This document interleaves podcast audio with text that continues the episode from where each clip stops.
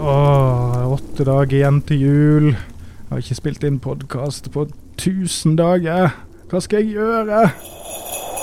Hva i alle dager?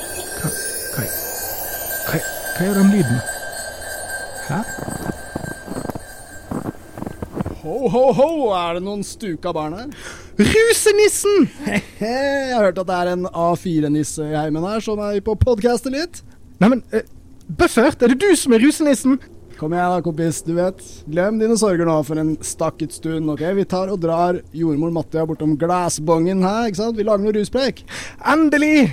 Kom igjen, Rustolf! Hypp bongeren, hypp stukeren, røret, blitzeren, brukeren, stæsjer, Staysman, Tix! Nå drar vi! Juhu!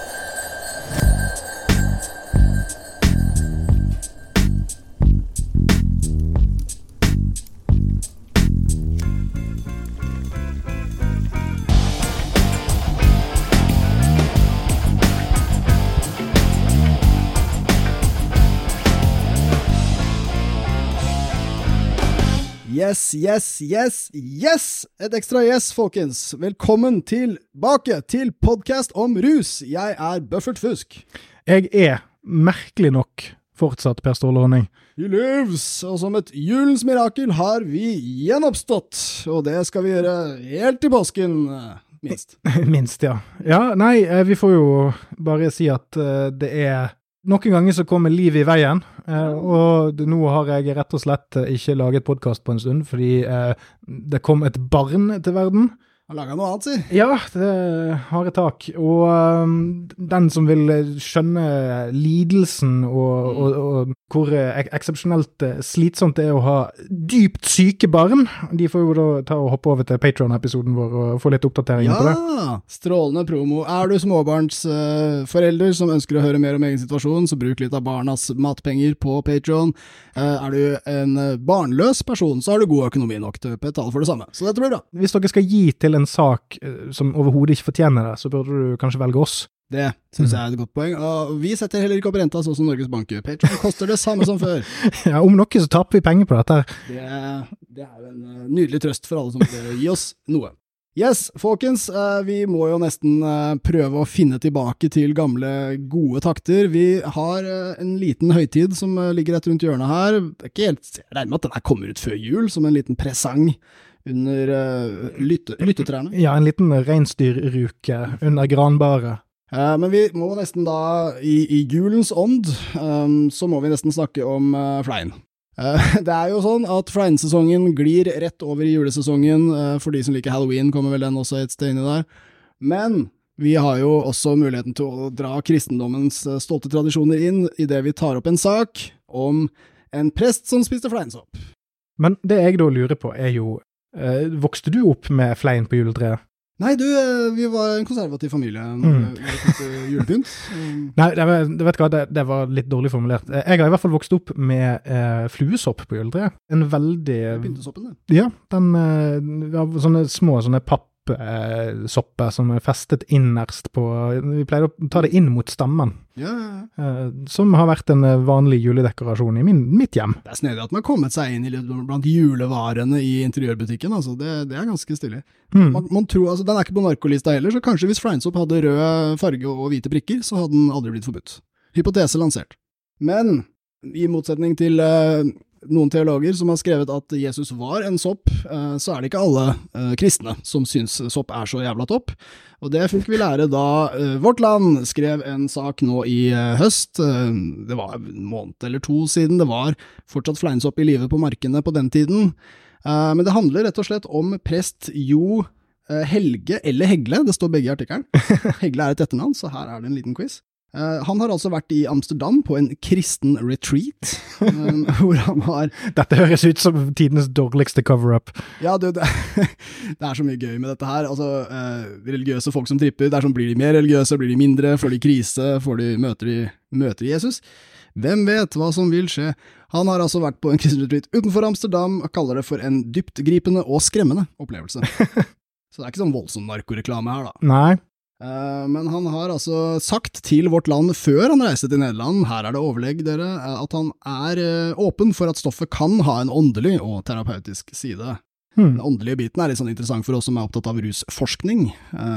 Fleins åndelighet har ikke latt seg måle enda, men, men jeg, jeg, gir han det. altså det, det er en Folk som tar det, får ofte opplevelser hvor de knyttes nærmere naturen og det, det storslagne. Så Hmm. Eh, skal vi se her, hva, uh, Han tok altså stoffet sammen med to andre prester, i tillegg var to tilretteleggere og et filmteam til stede. Der ble det litt reklame. Ja. Der kom det litt.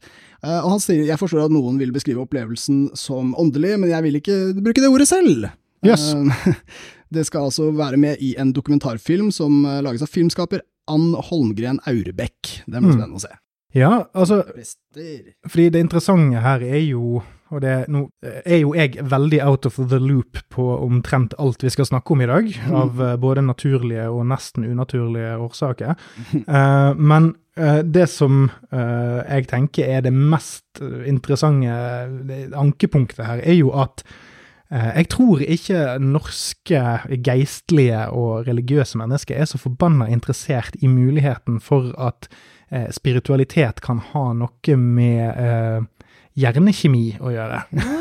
Det ser du nå. Eh, For eh, sånn som allmennheten forstår rusmiddelet, Mm. eller det vi kaller rusmiddelet, eh, så er det jo sånn at å ja, det er noe du putter inn i deg sjøl som endrer måten du er på. Mm. Så hvis du da åpner for at du kan komme nærmere Gud, eller få en spirituell opplevelse som er genuin med det, Mm. da begynner du òg å si at det, det blir litt sånn som med midichlorians i Star Wars. Mm. For før, da- jeg, var, da jeg var barn, så var The Force i Star Wars det var bare en kraft som knyttet alt sammen. Universet, steinen, eh, deg og de andre. Mm, Men i The Phantom Menace, som kom ut i 1999, så var det plutselig sånn at du kunne måle hvor mye force en person hadde, med å telle hvor mange midichlorians de hadde. Oh, ja. Som da er bitte små organismer som da er mellomleddet mellom fysiske objekter og The Force. Det er Kvarkene. Ja, eh, som, da mange, som da mange Star Wars-fans kritiserte veldig, for at ja, men det der er jo en forringelse. Nå blir det jo plutselig sånn at du kan ta en blodtest for å finne ut hvem som er mest religiøs. Mm. sant? Eh, og det vil jo være tilfellet her òg. Hvis det er sånn at du kan ta flein og komme nærmere Gud, yeah. så er det plutselig noe utenfor deg sjøl som eh, skaper den religiøse tilknytningen. Dermed så blir det en trussel mot eh, konseptet tro. Jævlig bra nailed med eh, Star Wars-parallellen, for real. Altså, eh, for det passer veldig bra med kritikken, altså det er jo litt gøy. Altså, man kunne tenkt at denne, en prest som tar fleien ville tenke at det, enten blir det sånn veldig halleluja, gladkristen-effekt, eller så blir det kommer rett til helvete, typ. Mm. Veldig sånn kristen kontrast, så jeg for meg. Men han har skrevet en, en dugelig trip report, beskrevet det som alvorlig, men nyttig, videre. Men apropos det du sa, han har altså fått kritikk av en uh, annen eh, person. Dette er altså Gyrid Gunnes, tidligere misjonsprest og førsteamanuensis ved VID vitenskapelig høyskole, eh? kommer Mm. akademiker på banen, og backer den andre siden av argumentet du skulle tro, fordi han, hun sier at han er fri til å tolke som han vil, men han er altså med på å legitimere at erfaringer med rus er åndelige erfaringer. Ja. Og den er litt spennende, Mm. syns jeg. Eh, fordi da går vi også litt tilbake til nevrokjemi, ikke sant. Altså, eh, hvis ikke rus er åndelige erfaringer, hva er det da? Mm. Er det bare ting som skjer i hjernen, i motsetning til åndelighet? Eh, mye spennende som dukker opp av spørsmål der, ass. Ja, for at, altså, vi, vi er jo ikke spesielt uh, åndelige av oss, eller tror at det eksisterer noe utenfor den fysiske verden. Mm. Så for oss så er jo dette her egentlig litt hipp som happ. Mm. I hvert fall for min del, så har jeg alltid tenkt at religiøsitet og spiritualitet eh, er mer fortolkningssystemet enn det egentlig er noe annet. Altså, folk må tro hva de vil og gjøre hva de vil, så lenge de ikke plager andre. Men jeg, vil i mitt stille sinn alltid tenke at det er en eller annen slags eh, coping-mekanisme, så, som eh, ikke-religiøse òg har. Det er bare det at vi har en tendens til å finne mer håndgripelige ting. Ja. Eller, kan, eller kanskje on, nærmest åndeliggjøre eh, andre fritidsinteresser. Sant? Eh, Jeg er veldig opptatt av musikk og snakke og musikk og film, Mm. og snakke mye om det på litt sånn her transcendente måte. Eh, men så det, man, det er jo bare hvordan vi lever livene våre til vi skal stemple ut. Men når du da flipper det igjen og går inn i, Mm. uh, i det religiøse perspektivet, så er det jo akkurat det som gjør en person religiøs, Ja. er hvorvidt du tror at, at det er noe utenfor deg sjøl Mm. som faktisk uh, har en hvilken som helst påvirkning. Det, Mm. det trenger ikke å være noe som du engang kan måle, det er noe du føler. Ja.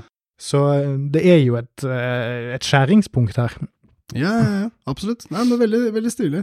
Jeg føler det er litt parallell også der til, til, det du sa der med det som kommer frem fra en uh, psykolog som har blitt spurt i artikkelen. Han heter Tor Morten Kvam, overlege og psykiater ved Nordre Østfold DPS i Moss. Han uh, sier jo blant annet at det noen bruker fleinsopp for å uh, kunne klare å komme i kontakt med det spirituelle, og han tror også at åndelighet vil øke fremover, fordi i en sekularisert verden er det en stor hunger etter spiritualitet, uten nødvendigvis at det settes en merkelapp på det. Mm. Det dekker også min posisjon i det der spørsmålet om det fins noe mer enn den fysiske verden, om det er noe bakenforliggende eller en slags sånn uh, kraftobservatør, et eller annet. Så, så jeg, jeg, blir kanskje mer og mer åpen for det med alderen, men samtidig er jeg bare svært spørsmålstegn der. Altså, Jeg har ingen jævla formening om hva dette skal være, men at det er mer mellom himmel og jord, ja, det kan godt være. Men, men jeg, jeg, jeg gidder heller ikke å putte noen merkelapp på det. Jeg er ikke noen uh, ist av noe slag, utover en ateist. Mm.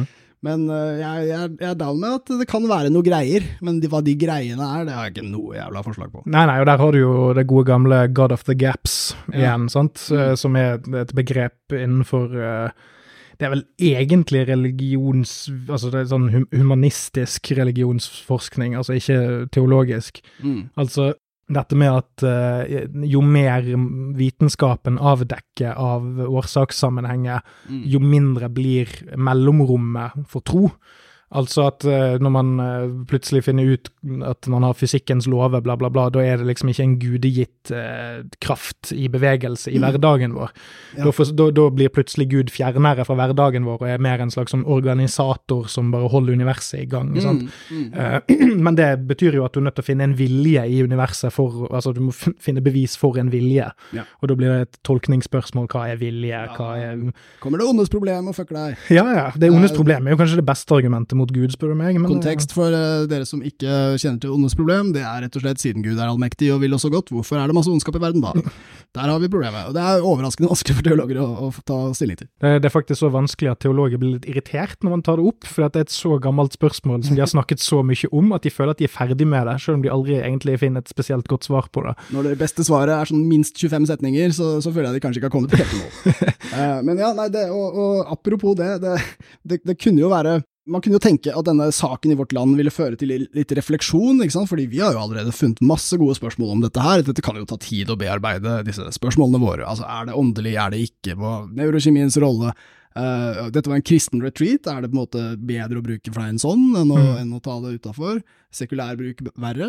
Mm. Mm, spørsmålstegn. Uh, men det var ikke sånn at uh, avisen Vårt Land brukte så mye tid på å ta stilling, for samme dag som de publiserte artikkelen, kom altså lederen, som var veldig kritisk. Så da har hele redaksjonen satt seg ned i voldsomt enstemmighet, rotta seg rundt felles fiende narkotika og skrevet at uh, sånn som det her, det skal vi faen ikke ha det. og uh, de liker ikke at det har blitt filma av et uh, dokumentarteam. De, de, liker ikke Altså, selv om han ikke anbefalte det, da, som de mm. syntes var fin, så, sier, så, liker de ikke Altså, alt som er sagt positivt om Fleinsopp, er veldig reagert på i denne mm. lederen. Han sier jo eksempel at det var en ubehagelig, men verdifull opplevelse. Ja. Og da skrives det det er usikkert hvor verdifull man kan kalle sjøflåtse research.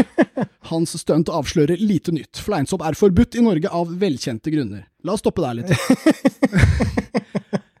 jeg har krangla om rus i over 20 år, og jeg er ikke helt kjent med de grunnene. Altså sånn, jeg vet i hvert fall at de ikke er velkjente i befolkningen. Nei. Det kan jeg i hvert fall trygt si. Nei, og de er jo ikke så altså, Når man ser nærmere på grunnene til at det fortsatt skal være forbudt, ja. som blir fremlagt av de som syns det, så er det først og fremst at det allerede er forbudt, mm. som er grunnen.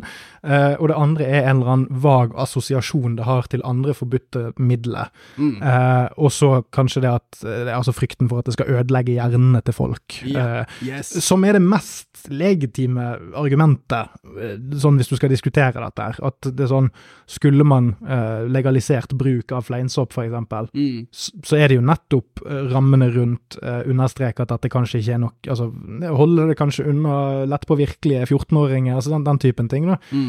Men det lurer jeg på nesten kommer til å gjøres litt av seg sjøl, for jeg vet ikke hvor mange jeg vet ikke hvor mange sånne, sånne, her, sånne gategjeng-kids som driver med, med lystgass nå, mm. om de ville synes det var så jævlig gøy å ta litt flein og ligge strødd utover T-baneholdeplassene i sju timer. Altså det, det, er liksom Det er noe med ruseffekten her som ikke er så veldig lett å kombinere med andre ting. Absolutt. absolutt. Og jeg kan jo kanskje skjønne at uh, enkelte kristne ikke liker det der med at det, at det, påvirker hjernen så mye, at det tar over hjernen som en slags misjonær. Mm. Men, uh, en slags kolonimakt. Det er gøy også å følge videre i lederen hvordan altså De går jo fra at fleinsopp er forbudt, enkelt og greit, velkjente grunner.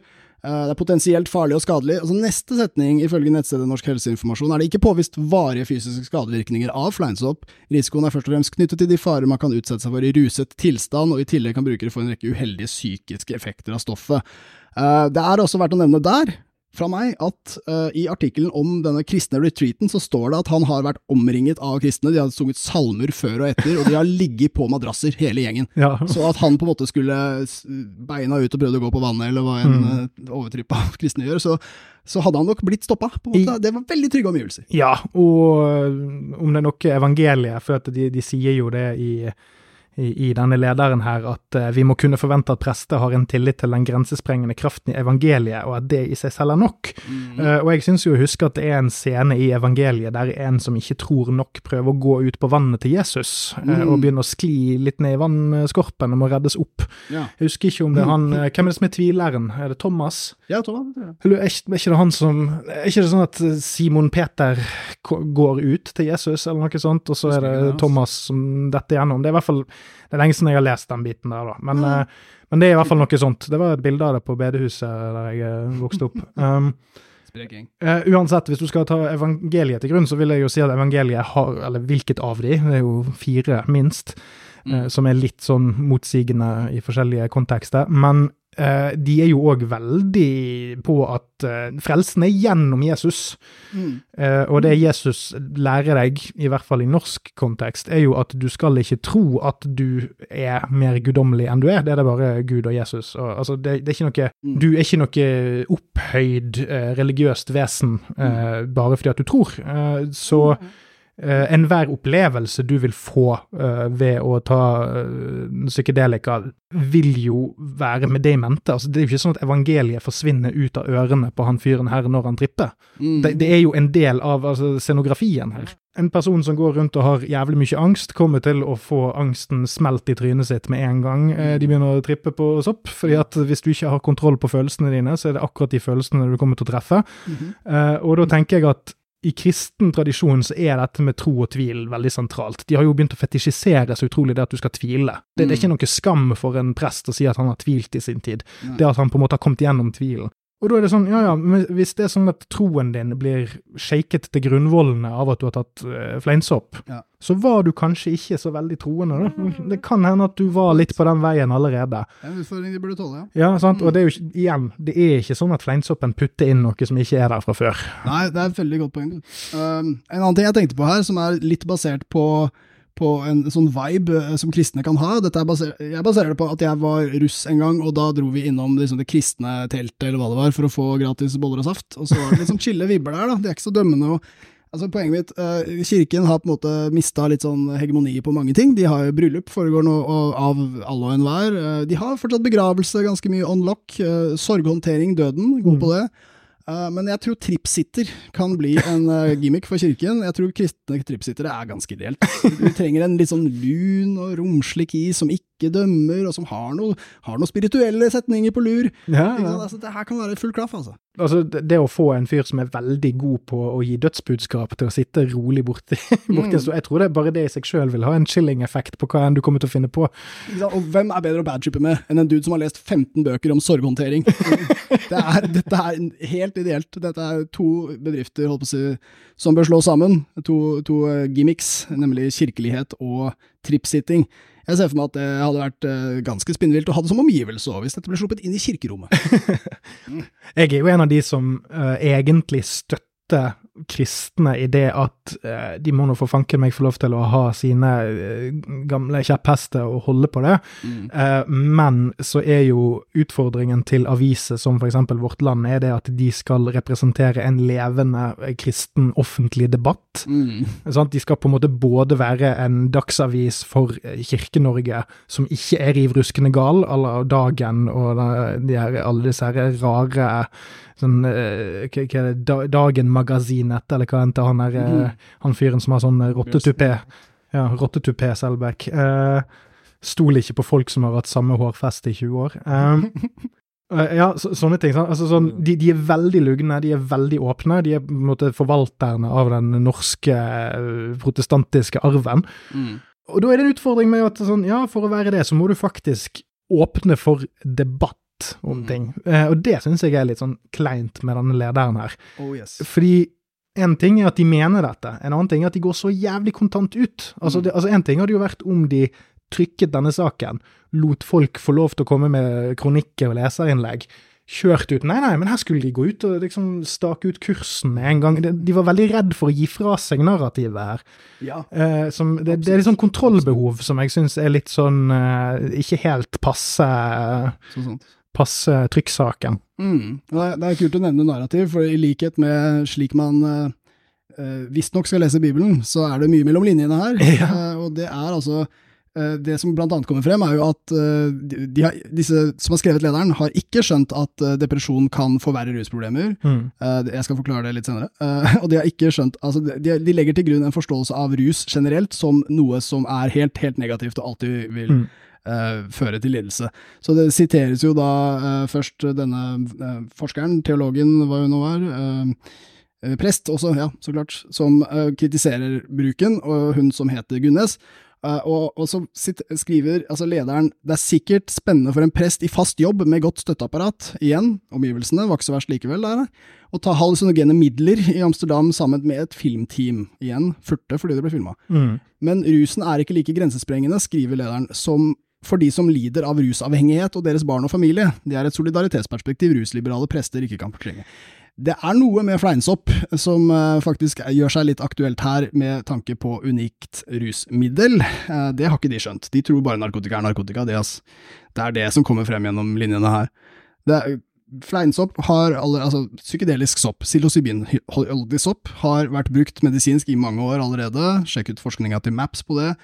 Eh, For å kurere behandlingsresistent depresjon. Mm. Jeg vil trygt anslå at hvis du har det, så er du sårbar for rusavhengighet. Så Mm. til de grader. Så I og med at de vet, de har allerede vært inne og lest at du ikke får fysiske skader, og de har trolig fått med seg at du ikke blir avhengig, og likevel snakker de om fleinsopp som om det var fucking heroin. Det er, eh, det er, det er pinlig. Det er, de har ingen interesse av å forstå, og med tanke på hvor mye de nileser Bibelen og tolker seg i hjel på det, så har de jammen tolka lite her. Altså. Ja, og så er det interessant at de, som du påpeker, hvor lite interessert de er i å gå til verks på argumentene her. Sant? For i teksten som du nå siterte, så er det det de lener seg så enormt på denne eh, status quo-situasjonen med hvordan den gemene hop oppfatter da rusmiddelet, Mm. og spesifikt da eh, psykedelika, at eh, de, de gir ikke leseren ny kontekst. De gir ikke leseren mer informasjon enn det de antar leserne har allerede. Mm. Eh, så det er ikke undersøkende, det er ikke journalistikk. Det er en opinion piece, og det er jo det en leder er, da. Mm. Men, men igjen, for å gå tilbake til det, altså hvorfor trykket de dette da?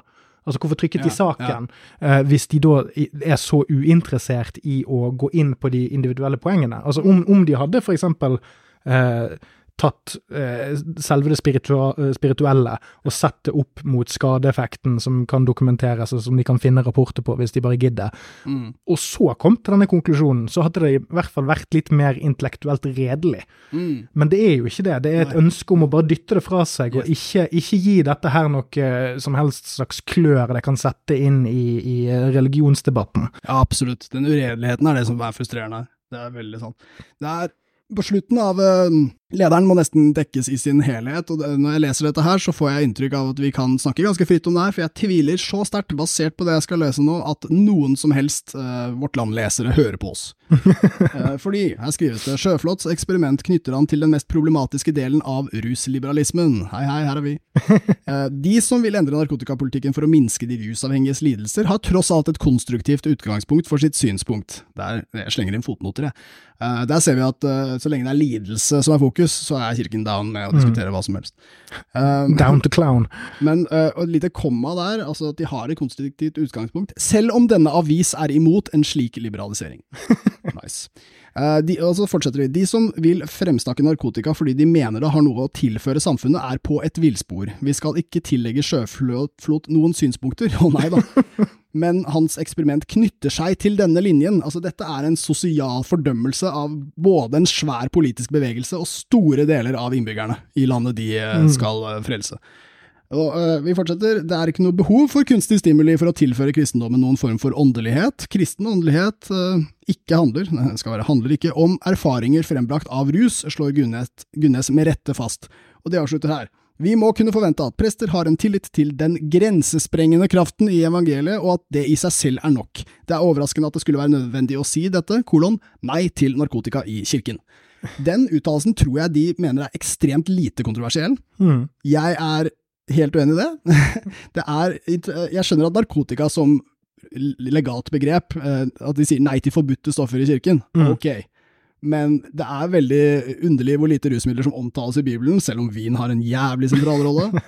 Uh, og, og det, det, sier seg egentlig ikke selv at, uh, at, Kirken skulle ta et så illiberalt standpunkt mm. uh, angående et fenomen som store deler av befolkningen driver med. Ja, og i hvert fall når kirken tar på seg, og, og religiøse mennesker tar på seg så mye av sjeleomsorgen for folk som er involvert i disse tingene. Mm. De bruker jo veldig dette sånn å ja, skal middelklassen Det er middelklasseliberalist-argumentet ja, igjen, bare i en ny innpakning. Skal du liksom sitte der og flotte deg, du som har trygge sosiale rammer, når folk som har utrygge sosiale rammer, lider av det, disse, disse, disse tingene? Som der de da er hårfint inne på at hei, kanskje folk ikke burde hunses for å ta disse midlene. Kanskje det ville hjulpet. Kanskje hvis vi ga folk arbeidsplasser, ikke ja. satt i fengsel. Men fortsatt nei til liberalisering. Ja. Og jeg vet hva, jeg kan, jeg kan, være helt enig i at altså, hadde han kommet ut og argumentert for at vet du hva, eh, alle norske prester burde ta fleinsopp, uh, dette her burde bli en del av det norske kirkesamfunnet, dette burde bli en del av praksisen vår, da kan jeg skjønne at den, eh, den, kontante greien nei til narkotika i kirken For det er jo, det er jo ikke bare rom, kirkerommet, men liksom kirken som mm. forsamlingen. Hele den norske forsamlingen. Sånn.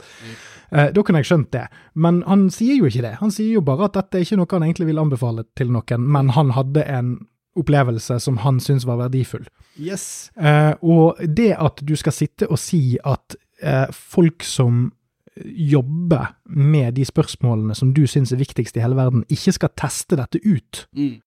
under noen omstendigheter, syns jeg er litt fascinerende virkelig det. Altså. I hvert fall med tanke på hvor mange som har nær døden-opplevelse på ymse, uh, ymse smertestillende, og, så, mm. og, som da gjerne blir uh, tatt for god fisk når det gjenfortelles i ymse kristne fora. Mm. Og, og jeg, jeg, så lys igjen, og jeg kjente Guds varme, og, og, så kom jeg tilbake igjen, og så, å, det var Gud som sa at det var greit. Sånn, nei, det var legene som reddet deg, og den euforien du kjente, det var faktisk morfinen mm. som holdt uh, hjerterytmen din rolig nok til at du ikke gikk inn i anafylaktisk sjokk. altså, det, er, det er lovlig, og da er det greit i kirka. Ja, ja, og de, og de, prøvde å redde livet ditt, sant? så da, å ja, du holdt på å dø, da er det greit. ja, ja, da er det i hvert fall greit. Absolutt. Er, uh, måten denne lederen er skrevet på, får det til å virke som de forholder seg til det her som en narkotikareklame. Mm. Men egentlig er det jo en press som har vært altså, veldig delt i sin uh, tilbakemelding om, om, stoffets effekt. Han har vært mest kritisk, vil jeg si. Det er ingen form for skjønnmaling her. Mm. Men den store forbrytelsen han da gjør i avisens øyne, er jo åpenbart at han ikke tar 100% avstand. At han bare tar sånn 80. Mm. Uh, og det er, det er helt vilt hard linje. Altså, Skulle ikke det her være en myk gjeng? Skulle, ikke, skulle ikke det være litt sånn, litt sånn gamet og forståelsesfullt? Det er bare 100% fordømmelse av én av sine egne. Dette er, dette er som å, se mafiamedlemmer bare drepe sin barndomskompis fordi han så litt feil på den ene dagen. Det, dette er for strengt! Det går bare ikke an å holde på sånn. Og det får de også høre i vår tredje del av denne sagaen, nemlig eh, tilsvaret fra leder i Synapse, Jørn Kløfjell Mjelva, som da svarte i avisen noen dager etter med innlegget 'Kunnskapsløst om religiøs bruk av psykedelika'. Uh, og jeg syns ingressen her er fin. Når Vårt Land, sammen med Gyrid Gunnes, bombastisk slår fast at psykedelika ikke har noen plass i kirka, spenner de ben om en økumenisk tradisjon og ignorerer kirkehistorien. Å jøsse ball, det var sterke ord. Det er på deres banehalvdel. Men hva er synapse? Ja, Synapse er en uh, forening her i Norge som jobber med uh, psykedelika, mm. i likhet med Norsk psyke... Norsk forening for psykedelisk vitenskap, så, så, jobber de egentlig med å øke kunnskapen om bruken av psykedelika i terapeutisk og rekreasjonell sammenheng, og de jobber også for å endre lovverket spesifikt om fleinsopp, som er et unikt rusmiddel med tanke på at det ikke har noe bakmenn, men at du kan plukke det i naturen. Mm. Så deres kampanje Frigjør naturen, for eksempel, er, er veldig interessant. Og her, altså, og Jørn er jo også en uh, styreleder, Mjelva, er også en uhyre kunnskapsrik fyr. Mm. Uh, og det får han virkelig vist fram i dette innlegget, hvor jeg personlig mener han tar dem noe så voldsomt på egen banehalvdel. Han eh, oppsummerer litt, uh, litt i begynnelsen, men uh, påpeker følgende. Psilocybin i likhet med andre psykedelika er ikke avhengighetsdannende. Fleinsopp har det som virkestoff. Det har, også, det har dertil en rekke, i, i, en rekke systemiske analyser av ekspertvurderinger blitt vurdert som det minst skadelige av de vanlige rusmidlene. Henvisningen til mennesker som sliter med rusmiddelavhengighet er dermed lite treffende. Vi kan trygt gå ut fra at disse ikke, for disse ikke var snakk om psilocybin eller fleinsoppavhengighet. Nei, altså det er jo ikke sånn at det reker rundt så mange fleinsoppavhengige nede i Skippergata. Eller hvor enn de er nå. De har jo, noen av de sikkert trukket sørover for vinteren. altså, de er nede med Håper det. Ja, utenfor sprøyterommet, eller ja, ja. Det er vel øst, litt østover. Sørover. De trekker østover for vinteren i Oslo. Trekkfugler, det er mm. ordspill her òg. Jo, nei, dette med økumenitikk og sånt, var ikke det noe han hadde med det? At uh, Kirkehistorien og sånt? Ja, økumenisk tradisjon, og øk økumenisk eh, er vel et begrep som betyr at alle skal inkluderes. Og Da er det snakk om internt i kirken, altså. Eh, er ikke økumenetikk og eh, at man er, er sånn flerkirkelig? Eh, jo, men, men nettopp, altså, mm. det er sånn alle skal med-vibe på det, men, men, det handler om at alle kirkesamfunn på en måte skal mm. Hvis du skal ha et økumenisk møte, for eksempel, så skal alle bli invitert. Ja, det er et møte med, et økumenisk møte er et møte mellom ledere av forskjellige kirkelige samfunn. Forskjellige må det være. Okay. Så da, ja, det, det var disse ulike økumeniske samlingene de hadde når de nailet Bibelen tidlig på Nikea og alle disse her på 200-300-tallet. Mm. Fordi du fikk jo mange sånne skismaer veldig fort. Eh, folk tolker tekst, forskjellige tekster ulikt, og så ja, alt dette her. Ja, ja. Ja, det er, uh, Mjelva fortsetter strålende her. Altså. Han, han, skriver at lederen illustrerer hvor ødeleggende og fordummende narkotikabegrepet kan være i diskusjoner om rusmiddelbruk. Da tar man alle rusmidler, bortsett fra alkohol, nikotin og koffein, i én gruppe, og da ender man opp med å tolke en prest sitt forsøk med et psykedelisk rusmiddel som at det er usolidarisk overfor de som sliter med opioid- og benzoavhengighet. Selv om altså, psykedeliske rusmidler har betydelig mindre avhengighets- og skadepotensial enn de rusmidlene vi ofte ser i rusmiddelrelaterte lidelser. Han skriver til slutt av det avsnittet Vårt land kunne altså like gjerne argumentert for å få kirkekaffen ut av kirka, med samme begrunnelse. Jo, for her, her, kommer vi jo til noe vi har vært inne på for veldig lenge siden. Han trekker jo fram Unaio Unai og da Vegetal og Santo Daime-kirkene i Brasil. Yes, økumeni. Som bruker ayahuasca i sine seremonier. Yep. Eh, og så sier han Vil Gunnes og Vårt Land hevde at deres kristendom eh, ikke er autentisk begrunnet i disse kirkenes valg av sakrament for å oppnå kontakt med Gud. Ja, det er det de åpenbart mener. De jukser. De tar drugs for å hooke med Gud. Ja, men kan, kan, jeg få komme og være da eh, djevelens advokat, eller mm. da eh, Vår Herres advokat i dette tilfellet? Legger du kan fleins opp? Ja, Nei, men altså, for å ta det Vi, vi snakket jo om Santo Daime for nærmere ti år siden, mm. så jeg husker jo ikke så mye av det. Men dette er jo ikke akkurat det vi, jeg ville kalt eh, den mest, natur, den mest naturlige kontaktpunktene mellom Den norske kirke og uh, Brasil, den brasilianske kirke. Mm. Altså I Brasil så er de vel hovedsakelig katolske, i ordets rette forstand. Ja, uh, det vil jeg Og sant, altså, det har noe med uh, Dette er gode poenget. Altså sånn Hvis du er, er i en debatt med en prest, og stiller han til veggs med 'ville du kalt disse kristne sektene mm. som gjør dette', eller kirkene, det jo, overgangene der er jo veldig diffuse, 'ville du kalt de ukristne for å gjøre dette'?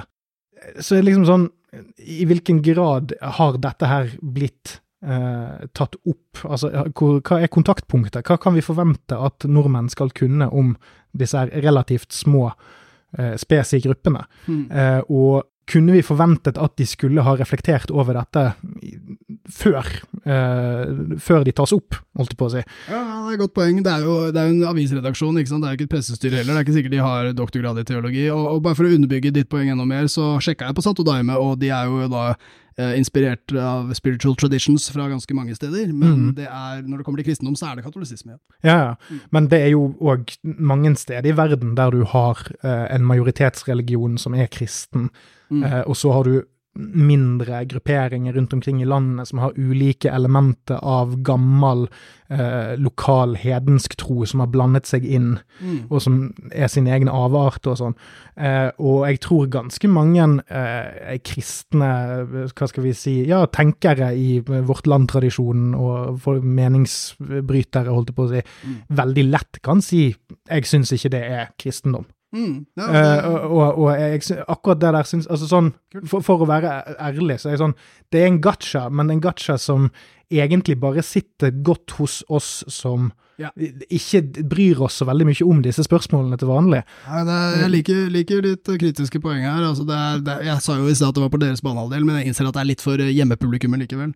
Uh, men det er uh, Så spørsmålet ikke sant, vil Gunnes og Vårt Land hevde at deres kristendom ikke er autentisk? Uh, svaret er ja. Ja, godt mulig. Trolig. Og- Og, ganske mange norske kristne også, tror jeg. Ja, så, så jeg tenker resten av svaret syns jeg er kjempebra, for at det går mer på Ja. forståelsen deres og For å være helt ærlig, eh, sånn, det som burde være de sitt kristne det kristne perspektivet på, på lidelse og, og, og rusavhengighet og den typen ting. Ja, Um, for, for å fylle inn leseren der, så kommer Mjelva i neste avsnitt over dette med altså, at vi har i historien eh, sett eksempler på ulike teknikker, som selvpisking, fasting Mm. eller isolasjon, som har blitt brukt for å oppnå en mer inderlig og nær relasjon til det guddommelige. Disse teknikkene har til felles at de kan føre til en rusopplevelse ikke ulikt opplevelsen man får ved å spise fleinsopp, og, og det ville være feil å skrive disse eksemplene ut av kirkehistorien. ja, ja. Det ville etterlatt en fattigere og fargeløs kristen. Og der kan jeg se for meg at en, en, en kristen som er engasjert i disse spørsmålene, ville svart tilbake jo, men det er kroppslige.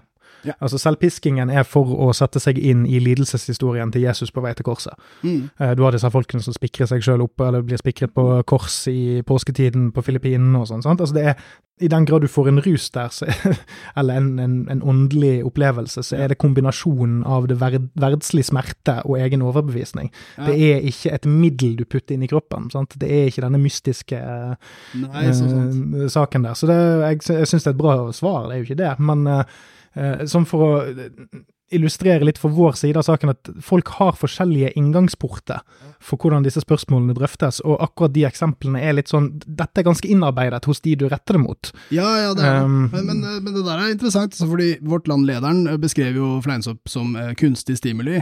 Mm. Og, og jeg ser poenget ditt der, absolutt. at det, Jeg tror nok også de ville argumentert sånn at ja, ja, men du, når du driver og pisker deg og faster og, og isolerer deg og sånn, så, så, så putter du ikke noe i kroppen. Men da er vi på en måte på utvortes mot innvortes. Ja. I hvert fall når det er snakk om piskingen, da, hvor du dasker på utsiden av huden. Da er det greit, men hvis du spiser noe inn i magen, så er det ikke greit. Ja, ja, men eh, interessant nok så tror jeg det er det, det, det kjødelige mot det åndelige her.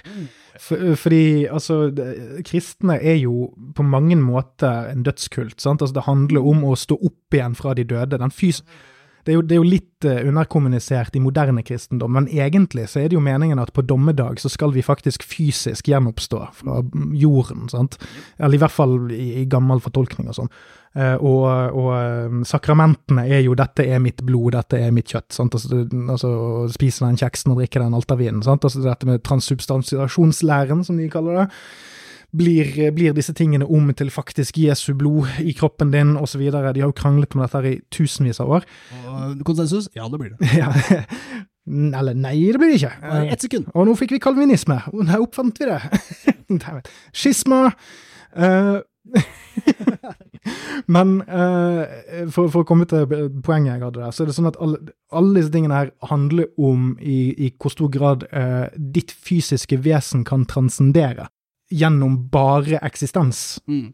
Eh, mens jeg tror for vårt land så handler dette om at når du putter noe inn i kroppen din som endrer måten du tenker på, Mm. så er det interessant nok en, en åndelig ting. Altså, Ja. det, altså Sånn som Ja. vi snakker om disse tingene nå, så er det sånn Du putter noe inn i kroppen din som får deg til å tenke feil. Eh, Du kan ikke oppleve åndelighet på riktig måte. Nei. Så interessant nok så har de nesten sakralisert Mm. narkotika. Ja, faktisk. ja, nei, du, du skal ikke spise fleinsopp, du skal bare spise Jesuskjeks. Ja, du, du, skal, du skal ikke oppleve noe som uh, ingen, altså Alle skal kunne oppleve dette her gjennom bare å leve og Mm. utsette seg for de ek ekstremitetene av eksistens. Alt som gir deg en transcendent opplevelse gratis, Mm. i hermetegn, eh, forringer den utviklingen som evangeliene skal gi deg. Du skal skjønne evangeliene, du skal skjønne hvorfor det er grensesprengende. Jeg syns ikke det er grensesprengende, det er derfor jeg ikke er kristen. Mm. Det er en fyr som går rundt, og så blir han spikret. Det er liksom det er ikke så mye mer der for meg, eh, men for de så er det et eller annet med å ja, Gud ofret seg sjøl, men òg sin sønn for oss, eh, sjøl om det var han som hadde bestemt at vi skulle eh, havne i helvete for våre synder. Det, sant? Fryktelig komplisert. det er det, altså. Ja, men det er um, Dette er bra saker. Det er en veldig fin avslutning her. Jeg må bare si, altså, meg bekjent så har det ikke vært noe mer korrespondanse i denne debatten her. Det, hvis noen vet om noe jeg ikke vet, så er det podcastomrus.gmail.com som eh, gjerne kan kontaktes. Der er det også muligheter å ta kontakt hvis du f.eks. er kristen og syns at det vi sa i dag var feil om kristendommen. Vi vil gjerne snakke mer om religion og, og rus, for å da underbygge at vi syns de to hører helt greit sammen. Og eh, vi kan jo rappe opp eh, saken med vårt land med det jeg Altså, jeg liker veldig godt den siste setningen i Mjelvas svar. Altså, der står det Vårt lands kritikk fremstår som et smakløst forsøk på å skyve personer som sliter med rusmiddelavhengighet foran seg for å rettferdiggjøre sin egen smale oppfatning om hva tro og kristendom skal være. Det er en helt kurant eh, setning. Den treffer på alt. Boom! Yes, nei, men da fikk vi jo løst det problemet også. Flott. Ja, prester eh, vet nå hva de skal gjøre med flein. To streker under svaret på kristendom. Nei, følg med i neste episode, når vi begynner med muhammedanere. Oh, det blir multiparter, en multiparter. Eh, Nei, du, p- problem løst. You're welcome. Og så er det da eh, Tenkte jeg Vi kunne jo også nevne en sak som er det er veldig løs kilde på den. Altså, det er en, en fyr på, på Twitter som påstår det, men siden det er såpass plausibelt eh, og også jævlig lættis, så tenker jeg at vi tar det med. Det er altså, ifølge en post fra en bruker Aron Jung på Twitter, så vokser altså fleinsopp på en gård i Våler kommune i Innlandet. Ingenting overraskende der. Bortsett fra at gården tilhører Eivind Mehl, bonde og far til sittende justisminister Emilie Enger Mehl, narkotwitters favorittmotstander. Ja, og nå har hun jo Det blir jo morsomt hvis hun nå ender opp med å gå fordi at rampenissen kom og tok opp et eh, lån på 200 millioner hos uh, Jon Fredriksen, Ja. og ikke alle de andre veldig åpenbare tingene hun burde ha gått for. Nei, Vi må sette ned et utvalg, vi må granske rampenissen. Eh, Dette kan ta litt tid, men håper ingen glemmer saken imens. Nei, Det er dritbra. Jeg, jeg tenker også Det er så mange morsomme overskrifter hvis det her skulle stemme. Altså, Media har ikke bitt på dette i det hele tatt. Jeg kan jo skjønne at de ikke bruker ressurser på å sende en journalist ut for å lete etter flein på denne gården, men Og det er jo ikke sånn at uh, han nødvendigvis har plantet den, eller plukket den, eller trolig ikke gjort. Mm. Men det er noe veldig gøy med måte, at, at du kan dra til justisministerens far og komme hjem med drugs, altså, som, som ha- kommer derfra, som oppsto der. Han er jo narkoprodusent. Så det er mye overskrifter som kunne vært morsomme i den tabloide tidsalder her. Altså. mm. Faren til justisminister produserer narko lokalt på gården sin. Ja, for det, det er jo en litt sånn interessant ting med fleinsopp. Altså, er du en dyrker i det øyeblikket du sjøl plukker det? Ja. Altså, kan du altså, har du da fasilitert for vekst? Mm. Har du lagt til grunne at altså, Mm. Kan du bevise at du ikke har kyr utelukkende for å ha fleinsopp? Mm, dette er interessant. Ok, Så hvis du har la oss si tre-fire fleinsopp voksne på din plen, så Mm. er det sånn ja, det har ikke du Det, det, det syns ikke du noe om, eller det vet ikke du noe om. Men hvis du har 300 000 fleinsopp på, på plenen din, er, hvor, hvor går straffansvaret? Når er det du når, yeah. når er det du ikke blir trodd når du sier at ja, 'den har jeg ikke sett'? Jo, vi hadde jo den der saken for en tid tilbake om eh, det fengselet der det vokste fleinsopp òg. Altså, alle er jo skjønt enige om at uh, produksjonen av fleinsopp, uh, det blir ikke du tatt for med mindre du sitter og har det i en bøtte hjemme eller et eller annet sånt. Eh, men eh, jeg tenker jo at hvis du for eksempel eh, Altså, altså i, i hvilken grad du slipper unna med, med den dekkoperasjonen der, altså hvor, hvor utrolig lett det er å ikke eh, bli inkriminert bare fordi at du er bonde, det syns jeg er litt sånn. Så sant, herregud, jeg kom på nå at jeg har jo tidligere sagt at, eh, at eh, for å forklare hvorfor alkohol er så utbredt, at det er, det er et rusmiddel som er veldig lett å lage. Det er det eneste rusmiddelet man lager i fengsel, har jeg sagt Mm. før. Men touché til fleinsoppen, som vokser i Åna fengsel, da ligger på Nærbø, det sa meg ikke så mye, Uh, Rogaland. Hå kommune i Rogaland. Og ja, Så det viser seg at det er også to rusmidler som kan produseres i fengsel, hvis vi skal bruke det ordet. En, en, annen ting jeg kan nevne om dette her, bare fordi vi må jo lenke det til uh, gårdeiers datter, mm. da det blir gøy.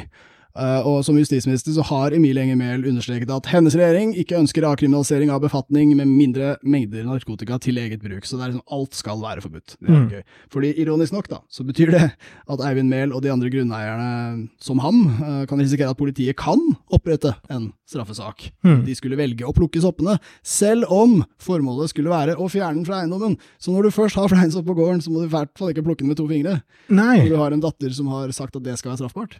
Nei, så da, hva, hva, må du gjøre da? For jeg, jeg, vet ikke hva den Altså Hvis du har lyst til å fjerne eh, soppvekster fra gården din, eller er det sånn at du bare skal ta og klippe det? Eh, det er jo gjerne litt sånn utmark, det er vel kanskje ikke dyrket mark der det vokser mest. Nei, sånn. Det er vel gjerne der dyrene går og skiter og dasser rundt, det vokser mest, sånn i skogbryn og beitemarkopplegg. Ja, uh, så det, det, det, er ikke der selve matproduksjonen til dyrene foregår. Uh, men så det å bli kvitt det der er jo ikke mulig, men da kan du jo òg risikere at dyrene spiser det.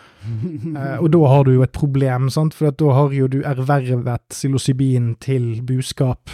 Mm. Eller ikke ervervet, du har jo ikke plukket det, men du har, du har, jo ikke holdt de rusfrie heller.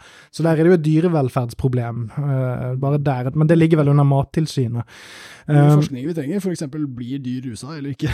det vet jeg ikke. Men, men så tenker jeg jo altså, bare sånn for å være skikkelig flåsete her, er det sånn at det er åpning i loven for at politiet kan ta beslag i eiendom no. dersom det er fleinsopp der? Det har, tror jeg ikke har skjedd før. Det, teoretisk sett så tror jeg det, med tanke på at uh, det, brukt i kriminell virksomhet og alt det der. Ja. Men ja, nei, det hadde vært spenstig av en politijurist. ja, for det, altså, da tenker jeg bare sånn, hvis vi skulle tettet noen hull her, for det er jo ikke sånn at det skjer i dag, men kunne det vært sånn at politiet kunne brukt dette her useriøst i fremtiden for å plage folk, mm. for eksempel? Kunne de tatt beslag i en gård dersom de fant ut at en bonde hadde plukket fleinsopp på gården sin, eller kunne de mm. Eller skulle han bare blitt sperret inne da? Altså, hvor går grensene her? Eller hvis du for eksempel han eh, Mehl senior hadde tatt og plukket all denne soppen og faktisk solgt den, mm. ville da går, ville livsverket hans blitt tatt fra han fordi at han gjorde det, eller sant? Hvor, hvor går grensene for hva du i hvilken grad du har utøvd kriminell virksomhet her. Hvor er avgrensningene? Det synes jeg er fryktelig ullent. Ja, ja, det er virkelig det. Og Jeg tror ikke det finnes noe sånn veldig offisielt godt svar heller på hva, hva gjør jeg når jeg finner masse flein på gården min? Hvem ringer jeg da? Hvordan hvor, eh, jeg tror ikke man vil bli oppfattet som kriminell nødvendigvis, men som sagt, juridiske problemer med å plukke den sjøl. Uh, hvem, hvem, ringer du? Politiet? Hvem, ringer du? Kommunen? En, en sjaman? Ja, park- og anleggsetaten? ja, uh, Sjaman Durek kan komme. Hvem har soppansvar i din kommune?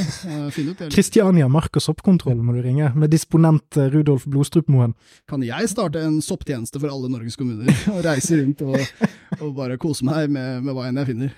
Ja, kunne du fått dispensasjon fra straffe, strafferetten og gått og plukke sånn, Jeg er plukkeren. Ja, jeg, jeg destruerer det. Ja, litt sånn, litt sånn, som de som kommer og vasker opp et lik som har ligget lenge i, i, i leiligheter uoppdaget.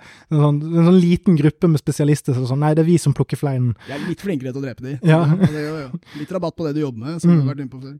Ja, ja og, og, og, ja, sånn, og, vi brenner det, vi, vi, kaster det, vi. Vi omsetter det definitivt ikke noe sted. Kunne det vært sånn gründervirksomhet? Jeg øh, håper det, jeg tror det. Jeg kjenner gründerånden våkner i meg. Ja, for Arbeiderpartiet har jo blitt veldig hyppe på at eh, vi må ikke straffe gründerne sånn at de reiser til Sveits. Så jeg, jeg, kan bare si det at til han Vestre i uh, i Arbeiderpartiet at eh, dersom jeg ikke får uh, dersom jeg ikke får godkjent søknaden min for å være Norges eneste autoriserte fleinsoppfjerner, mm. så flagger jeg ut til Sveits. ja, veldig bra. Og så vidt meg bekjent så er, ligger uh, Sveits langt nok nord og har definitivt mye beitemark, så idet du da kjøper deg en sånn liten sånn gjøkeurgård oppe i fjellet i Sveits, så er det faen meg flein som gror der òg. Du kommer ikke unna fleinen. Ikke som skatteflyktning. Here to the sound of mushrooms. Jepp. Jeg føler vi har rappa den, ass. Jeg mm. føler at vi er uh, fucking back on track. Det, det, ligger i oss. Det, bare, det er ikke noe som stopper oss, verken reproduksjon av menneskearten eller uh, jul. Nei.